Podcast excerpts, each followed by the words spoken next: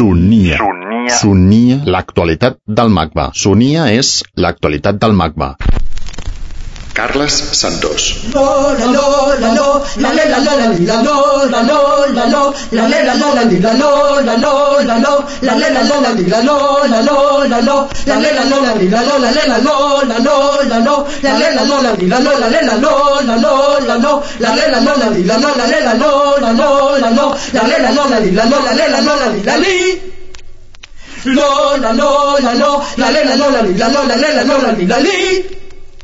Li. Lola, Lola, Lola, la la la Lola, la Lola, la la Lola, la li.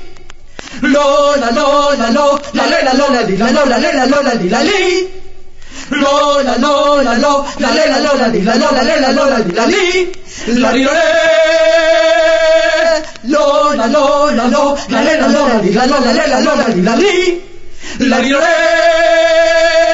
Lola, Lola, Lola, la la la Lola, la Lola, la la Lola, la li. La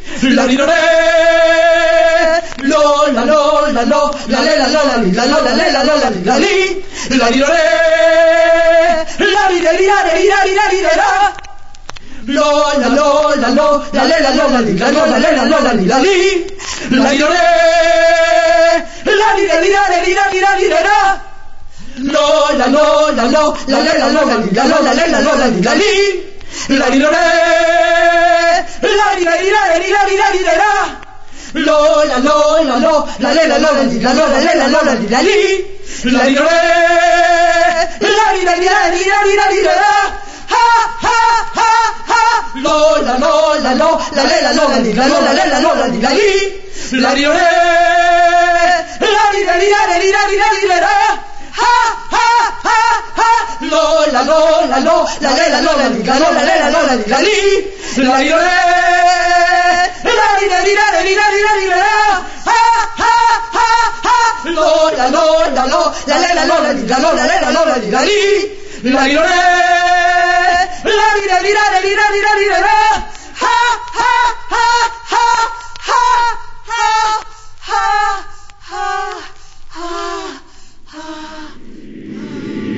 Vinil és un projecte comissariat per Guy Srennen i coproduït pel MACBA i el Neues Museum Besselburg. De Bremen. Per la seva presentació al MACBA, Vinil incorpora una secció dedicada al contacte entre art i música a l'estat espanyol. Aquest espai, dirigit per Víctor Nubla, Víctor Nubla. ha comptat amb la col·laboració de Joan Ramon Guzmán, Jordi Segura i Pedro G. Romero.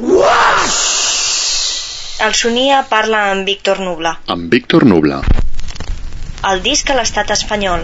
El disc es comença a fabricar a tot el món alhora, diguéssim que es converteix en un suport que sobreviu molt, molt de temps per components de qualitat i de fi- fiabilitat del format i, i d'economia en la seva fabricació. Quan s'arriba ja al, al, al, consum massiu del vinil eh, és perquè en l'ínterin de tot això eh, tota una generació esdevé eh, classe social, és el primer moment en què els joves es converteixen no en un estat transitori entre la infància i la maduresa, sinó en una classe social, en poder adquisitiu, en poder d'opinió, en poder de decisió política, i el disc es converteix en una eina de transmissió ideològica i cultural tremenda. No? Per això es fa tan important. I com que està consumit per joves, bàsicament, eh, l'estètica que, que envolta el disc, eh, l'estètica que està amb la forma de vestir, en la forma de, de viure i, evidentment, amb les portades, es converteix en alguna, en una cosa molt important. Això també té lloc a Espanya. El que hem d'entendre és que Espanya passa d'una altra manera. Passa més tard, si volguem dir-ho així, però no és perquè hi hagin discos més tard, sinó perquè fins que no acaba la dictadura, per dir-ho així, no ens trobem una veritable contracultura a l'estil de les contracultures mm, que podem veure a l'exposició d'en Gui el que trobem és que els músics i els cantautors sobretot que, estan, que practiquen una oposició al règim eh, important des de la música es troben mm, treballant amb pintors que en aquell moment també són, són eh, contestataris, per dir-ho d'aquesta forma. És a dir, que tot el que correspon a fluxos i, a, i als moviments de, de les postavantguardes, de la contracultura a nivell internacional, aquí hem de parlar de cançó d'autor, protesta política i pintors. Art sonor i espai d'exposició. Jo en aquest museu he vist espectacles sonors, treballs sonors extraordinaris. No parlo només de Sonic Process, eh, ja molt abans.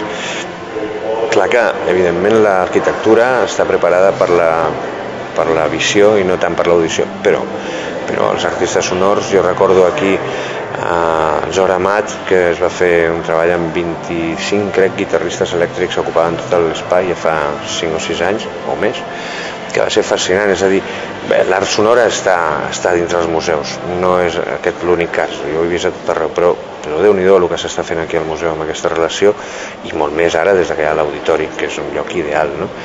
En quant m'agradaria remarcar que l'exposició que nosaltres presentem, precisament perquè durant els 60, 70, 80 l'art sonor aquí existia poquíssim, o bé es produïa, sobretot als 80, en caset, o bé als anys 60 tots els laboratoris d'electroacústica o tots els creadors del contemporanis estaven a l'estranger, estaven directament a l'estranger. Per tant, l'exposició no, no hi ha molt l'art sonor, aquí hi ha molt art sonor, allà no n'hi ha tant, allà hi ha els brincos, hi ha música contemporània, hi ha pop, hi ha rock, fins als 70, finals dels 70s, 80s, i sobretot els 80s, que hi ha aquesta eclosió d'un un underground potent, una contracultura molt activa, però que per qüestions també idiosincràtiques del país utilitza el suport de caset. Vinil com a lloc d'arxiu. Mira, no deixa de ser interessant que el públic pugui llegir la seva pròpia història a través d'un arxiu tan, tan agradable, no? Vull dir, no són fitxes dintre d'un fitxer, ni és un macro Excel amb dades i dades i dades, hi ha unes imatges que realment valen la pena.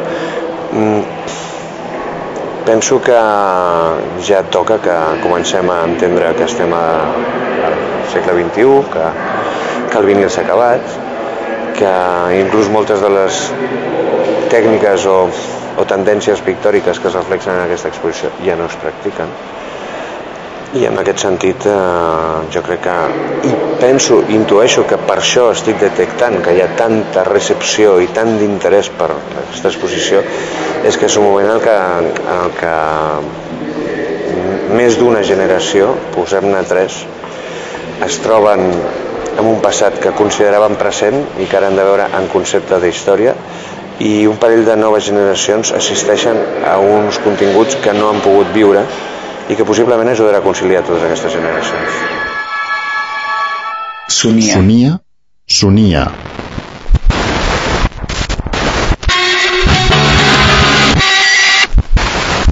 L'actualitat del MACBA.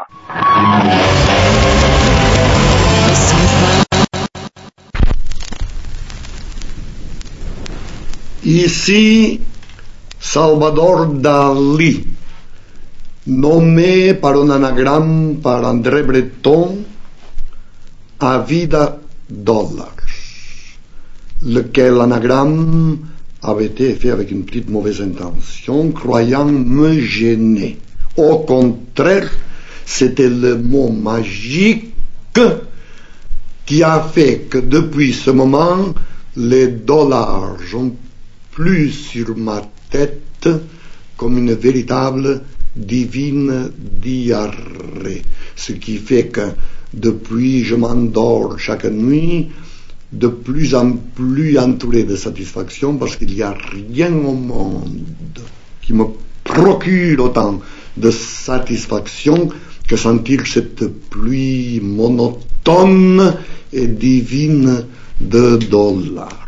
Mais il y a une autre côté qui amusera tous les gens qui m'écoutent, c'est que justement, Auguste Comte, le grand philosophe français, au moment d'inventer sa nouvelle religion positiviste, il avait dit, avant de commencer cette religion, il faut que nous comptons avec les banquiers.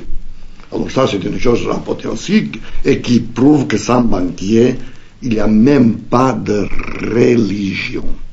Tout le Moyen Âge a été basé sur la transmutation de la matière vile en or, puisque l'unique baixes, macba.es